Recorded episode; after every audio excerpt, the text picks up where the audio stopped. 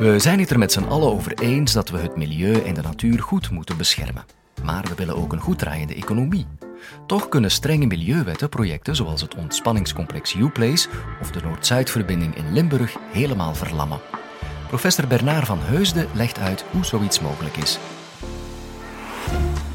Dit is de Universiteit van Vlaanderen.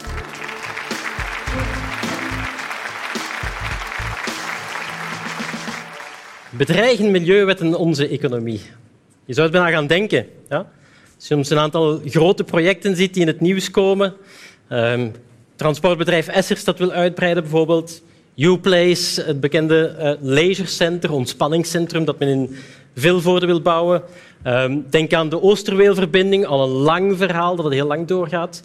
Uh, de Noord-Zuidverbinding in Limburg, waarbij men, waarbij dat men via een uh, omweg de steden uh, Houthalen en Helchter wil ontlasten van verkeer.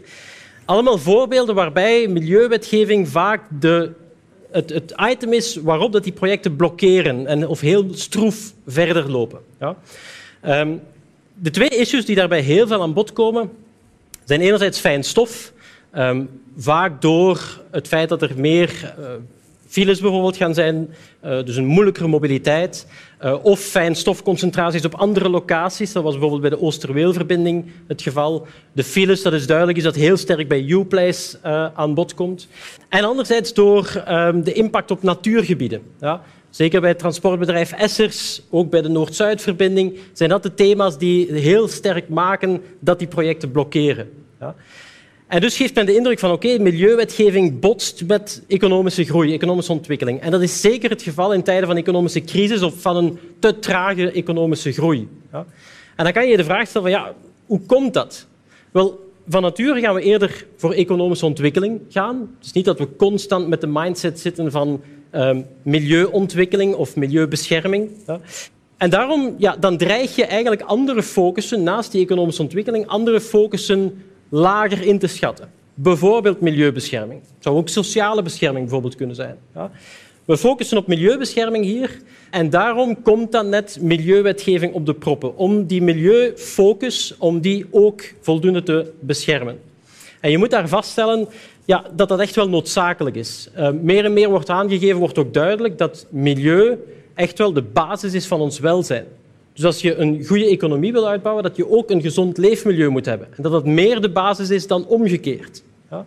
Dus heb je milieuwetgeving nodig. En daar is waar milieujuristen uh, op de proppen komen.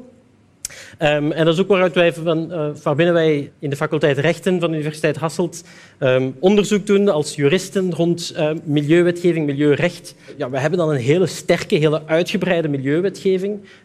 En bijvoorbeeld ook in onze grondwet staat al dat jullie allemaal een recht hebben op de bescherming van een gezond leefmilieu. Ja? Dus dat is grondwettelijk beschermd. Een van onze basisrechten is een gezond leefmilieu.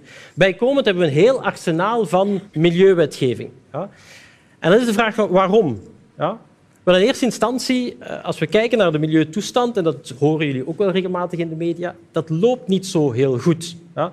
Je ziet op de kaart een paar items die komen uit een Europees rapport, Europees Milieuagentschap, dat aangeeft van hoe zit het de komende jaren met onze uh, milieu-impact. En dan zie je dat uh, heel wat topics in het rood staan voor de komende vijf jaar minstens in oranje staan. Een paar topics, waterkwaliteit, luchtvervuiling, die zien er oké uit als we vijf jaar verder kijken.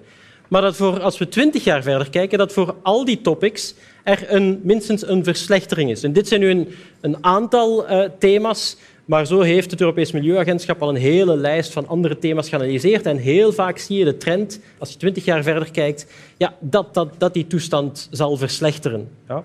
Als we dan even dichter bij huis komen en we kijken, we focussen even op die twee thema's van daar straks.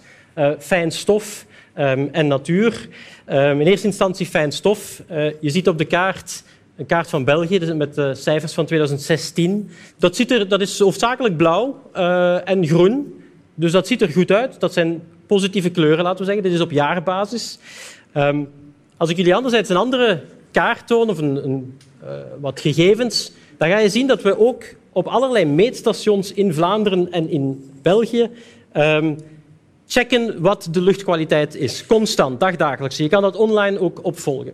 En dan zie je dat um, een aantal cijfers in het rood staan.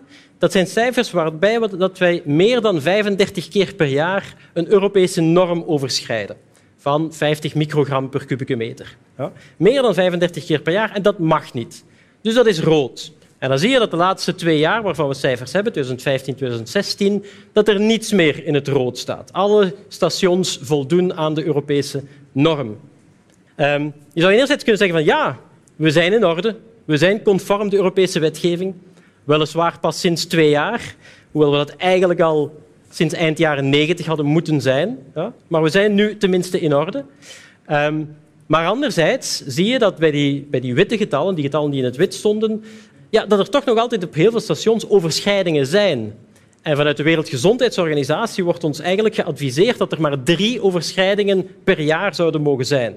Terwijl in heel veel stations dat toch nog altijd rond de 20, 30 zit. Weliswaar niet meer boven de 35, maar toch. Ja? Dus het is toch een genuanceerd beeld. Als we dan naar natuur kijken, onze natuurgebieden, ook daar is de toestand niet, uh, niet schitterend.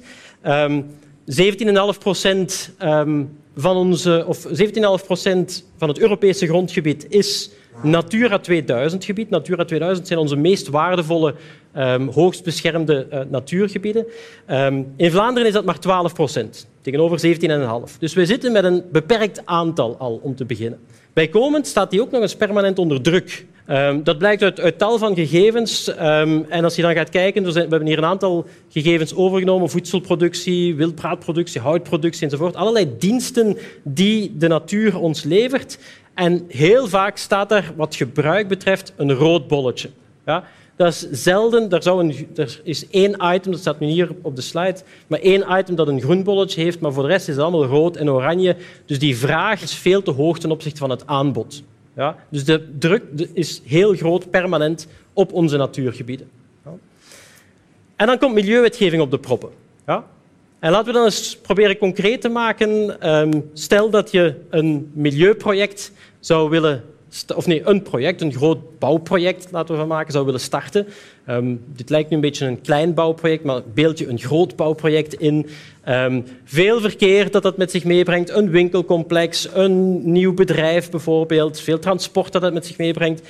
Eventueel het wegnemen van of nabijliggend bij uh, natuurgebied. Ja. Hoe gaat milieuwetgeving daarmee om? Wel, in eerste instantie ga je de milieueffecten van je project gaan beoordelen. En dat gebeurt via een milieueffectbeoordeling, een MER, milieueffectrapport wordt het ook genoemd. Ja? En dat bestaat, en met dat rapport, met die studie, ga je eigenlijk heel de impact proberen in kaart te brengen. Impact op lucht, op water, op afvalstoffen, op de bodem, op biodiversiteit, natuur enzovoort. Ja, je probeert dat allemaal in kaart te brengen om vervolgens met dat document ja, een, een advies te geven aan de overheid die moet beslissen over een project. Ja. Wel nu, dat, um, die studie, zo'n MER, dat bestaat eigenlijk al op twee niveaus. Twee niveaus, waar we trouwens ook niet onderuit kunnen, dat wordt ons vanuit Europa opgelegd. Twee niveaus, zowel op het planningsniveau als op het projectniveau. Een plan bijvoorbeeld, en dat is neergeschreven voor alle duidelijkheid in Europese richtlijnen. En misschien voor alle duidelijkheid, een richtlijn, dat klinkt misschien alsof dat niet bindend is, maar dat is wel degelijk bindend. In het Engels spreekt men van directives bijvoorbeeld. Uh, dan is, dat maakt het wel wat duidelijker. Dus wij moeten dat wel degelijk opvolgen. En dat bestaat dus op twee niveaus. Eens op het, eerst op het planningsniveau. Um, dus als je gaat vastleggen, bijvoorbeeld in een ruimtelijk uitvoeringsplan, dat iets woongebied wordt, industriegebied, parkgebied, landbouwgebied, natuurgebied, dan moet je eigenlijk op dat ogenblik al gaan beoordelen wat de impact is op de effecten. Want het zou wat bizar zijn dat als je van iets industriegebied maakt en dan achteraf komt een, wil bedrijf zich daar vestigen, ja, vraagt een vergunning aan, en dat je dan zegt van ah nee, want dat gaat toch wel een te grote impact hebben op het leefmilieu. Het is wel industriegebied. Dus dat er industrie kan gevestigd worden of moet gevestigd worden, klinkt dan logisch. Dus je moet dat eigenlijk op voorhand, wanneer dat je die gebieden inkleurt, wanneer dat je die gebieden vastlegt, moet je de effecten op het milieu al gaan beoordelen. En dan vervolgens ga je dat een tweede keer moeten doen wanneer iemand effectief een bepaald project aanvraagt in dat gebied. Bijvoorbeeld een groot winkelcomplex, een nieuw bedrijf. Dan ga je de impact toch ook van dat bedrijf specifiek op het milieu nog eens terug grondig in kaart brengen, brengen via dat MER, dat milieueffectenrapport. Ja. En dat geeft dus bijzonder veel informatie naar de overheid. soms ook wel, en dat is het jammer, soms tegenstrijdige informatie. Bijvoorbeeld Uplace heeft dat meegemaakt, dat het plan maar zegt dat er meer files gaan ontstaan en daardoor meer fijnstofconcentraties, omdat de ring van Brussel dat niet aan kan, een groot shoppingcenter uh, vlak bij de ring. Terwijl het project, de projectmer, de projectstudie, dat die zei dat er niet meer files gingen komen. En dat wordt die studie dat gebeurt door ja, wetenschappers, consultants weliswaar, uh, maar die toch wetenschappelijk geschoold zijn ook. Um, en die dan gaan beoordelen op basis van mobiliteitsstudies en dergelijke. Van kijk, files, ja, zijn die oneindig? Kunnen die oneindig lang worden? Of zijn daar toch wel uh, remmen op? Ja? Gaan mensen drie uur in de file staan? Of is daar een maximum van, zeg maar iets, anderhalf uur bijvoorbeeld? En dus de ene studie zei van ja, nee, er gaan meer files zijn, meer fijnstof. De andere studie zei van nee, er gaat niet meer files zijn. En dan moet je het daar maar mee doen als overheid. Dus dat is ook niet evident om als overheid dan te beslissen van gaan wij dit project al dan niet laten doorgaan. Voor alle duidelijkheid, je kan je afvragen van hoe komt dat dat daar tegenstrijdigheid kan zijn, chronologisch. Wel, vaak is het zo, dus dat plan komt eerst. Eens dat plan goedgekeurd is, wordt vervolgens op basis van dat plan een project vergund. En dat kan best zijn dat er juridische procedures tegen dat plan hangende zijn en achteraf misschien ook tegen dat project, maar vaak heb je daar nog geen uitspraak over. Dus intussen loopt die aanvraagprocedure bijvoorbeeld voor dat project loopt intussen verder. Dus heb je een tweede studie terwijl je nog niet definitief weet of dat het project er mag komen. Ja. Um, Oké, dat is één ding. Um, wat soms ook, misschien erbij ter informatie meegeven, wat soms ook in vraag wordt gesteld, is de objectiviteit van die consultants die die studies maken. Ja. Um, ja, als je de Oosterweelverbinding mag bestuderen, dan spreekt dat voor zich dat dat een groot project is, veel geld met zich meebrengt. Als je Uplace mag adviseren, hetzelfde. Ja. En die consultants, dat zijn weliswaar erkende deskundigen, maar soms wordt de objectiviteit daar wel van in vraag gesteld, omdat ze uiteindelijk toch voor hun broodheer een uh, advies of een studie uh, uitschrijven. Ja? Want het is de opdrachtgever die die studie betaalt. Um, wel nu, ik moet daar toch heel duidelijk maken dat um, insinuaties van, uh, van niet-objectiviteit, van subjectiviteit eigenlijk, um, dat je die echt wel moet kunnen hardmaken om daar juridisch ook iets mee te kunnen doen. Ja? Er zijn insinuaties geweest in het verleden waarbij men zegt van kijk, die uh, adviseur kan echt niet objectief oordelen, dat is een te groot project, die verdient daar te veel geld aan. Um, maar dat is tot nu toe juridisch nog nooit aanvaard. Ja? Dus je moet echt al wel, ik zeg maar iets met een e-mail afkomen waarin een consultant zegt van ja, ik zal jullie project wel heel positief adviseren. Um, en, en dan kan je dat misschien hard maken, maar anders niet. Ja. Die studie, ik zei dat daar straks al, die studie wordt dan of dient voor de overheid als belangrijk adviesdocument. Niet bindend, ja, maar uiteraard voor die milieu-impact wel een heel belangrijk document. Um, en zij gaan dus ook, als ze daarvan willen afwijken, positief of negatief, zij gaan dat heel goed moeten motiveren. Ja, waarom dat zij toch vinden dat het project er kan komen, waarom dat ze niet vinden dat het project er kan komen. Stel dat er geen milieueffecten zouden zijn of gezien worden. In zo'n studie wordt trouwens ook altijd gekeken naar de alternatieven. Wat kunnen we nog doen? Waarbij een alternatief ook altijd is, wat als we niks doen? Het nul-alternatief. Oké, volgende vraag die je dan kan stellen als we verder kijken naar specifiek natuurgebieden. Um, wel, voor natuurgebieden is er nog eens een extra bescherming daarbovenop. Natuurgebieden, daarop mag geen betekenisvol effect zijn. Ja? Dat is het uitgangspunt. En dat maakt het voor veel projecten moeilijk. Bijvoorbeeld bij de Noord-Zuidverbinding probeert men echt ervoor te zorgen dat er geen effecten op het natuurgebied, op natuurgebieden die nabij liggen of waar ze zelfs doorgaan, om, die, om daar de, de, effecten minimaal te houden. Met ecobruggen, uh, sleuven, zodat men onder het grondniveau blijft, uh, geluidsmuren en dergelijke meer. Ja. Um, maar als je dat niet kan, ja, dan, dan is het eigenlijk bijna onmogelijk om je project uit te voeren. Er bestaat één uitzondering op, die meteen aan drie voorwaarden moet voldoen, dat is waar. Het feit dat er, en die voorwaarden zijn het, feit dat er geen alternatieven zijn. Ja? Het feit dat het absoluut noodzakelijk is, van dwingend openbaar belang. Dus een belangrijk project, ik zeg maar iets, een luchthaven die absoluut moet gebouwd worden. Ja? Um, autostrades, dat kan ook dwingend, groot dwingend openbaar belang zijn, bijvoorbeeld. Um, en dan het feit dat je als derde voorwaarde dat je moet compenseren.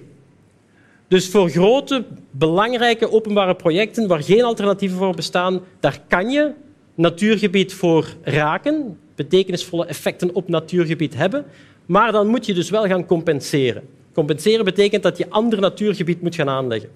En dat is niet evident in ons land, in Vlaanderen. Ehm, want uh, ja, zoveel natuurgebied is er niet. Hè. Het feit dat we nu al maar 12 procent hebben, geeft al, aan, of, of, ja, geeft al aan dat er maar heel weinig is. Anders zouden we hoogstwaarschijnlijk wel wat meer Natura 2000 gebieden hebben. Dus dat compenseren is geen evidentie. Ja. En burgers weten dat intussen ook, die wetgeving, hoe sterk dat die wetgeving is. Ja. En dan kom je eigenlijk soms tot de paradoxale situatie dat één burger ja, een gigantisch project kan tegenhouden, puur op basis van die sterke milieuwetgeving. Ja. En dat je dan um, ja, één burger hebt, terwijl er misschien duizenden mensen zijn die pro een project zijn, omwille van betere mobiliteit misschien, Oosterweelverbinding, um, omwille van jobcreatie enzovoort. Maar die duizenden die hoor je niet. Die ene burger kan een project tegenhouden. De, het recht houdt geen rekening, laten we zeggen, met, met grote getallen. Ja. En je kan ook niet zeggen dat je de Europese die wetgeving, die toch heel sterk, de milieuwetgeving, heel sterk vanuit Europa uh, ons wordt, wordt opgelegd. We aanvaarden die uiteraard ook wel. Um, maar dat, je kan er ook niet zomaar onder, onderuit. Ja? Um, het Europees Hof van Justitie uh, kijkt heel nauwlettend toe op eventuele inbreuken van het Europees recht.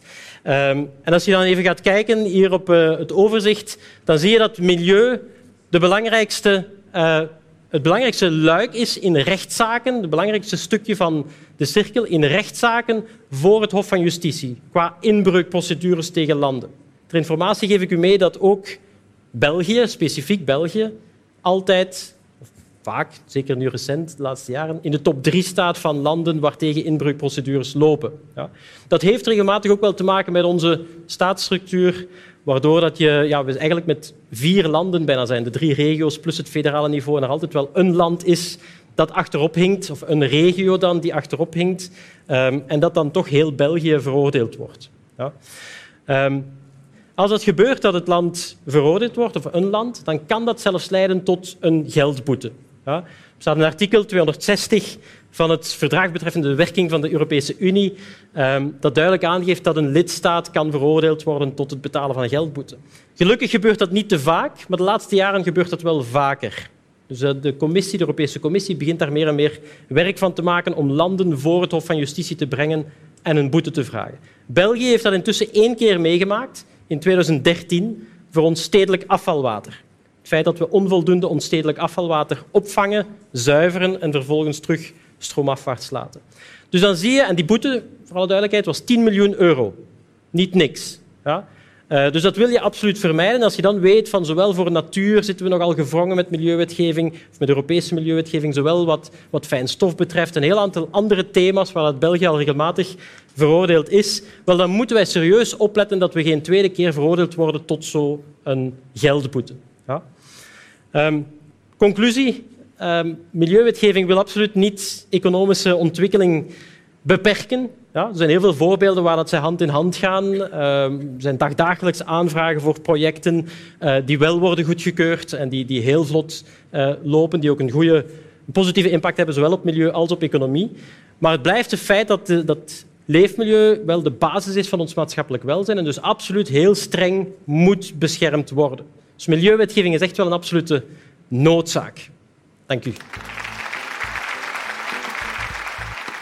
Meer colleges over rechten? Leer dan hoe je juridisch verantwoord een vrouw verleidt in de podcast van professor Lisbeth Stevens. Het wordt er niet minder ingewikkeld op.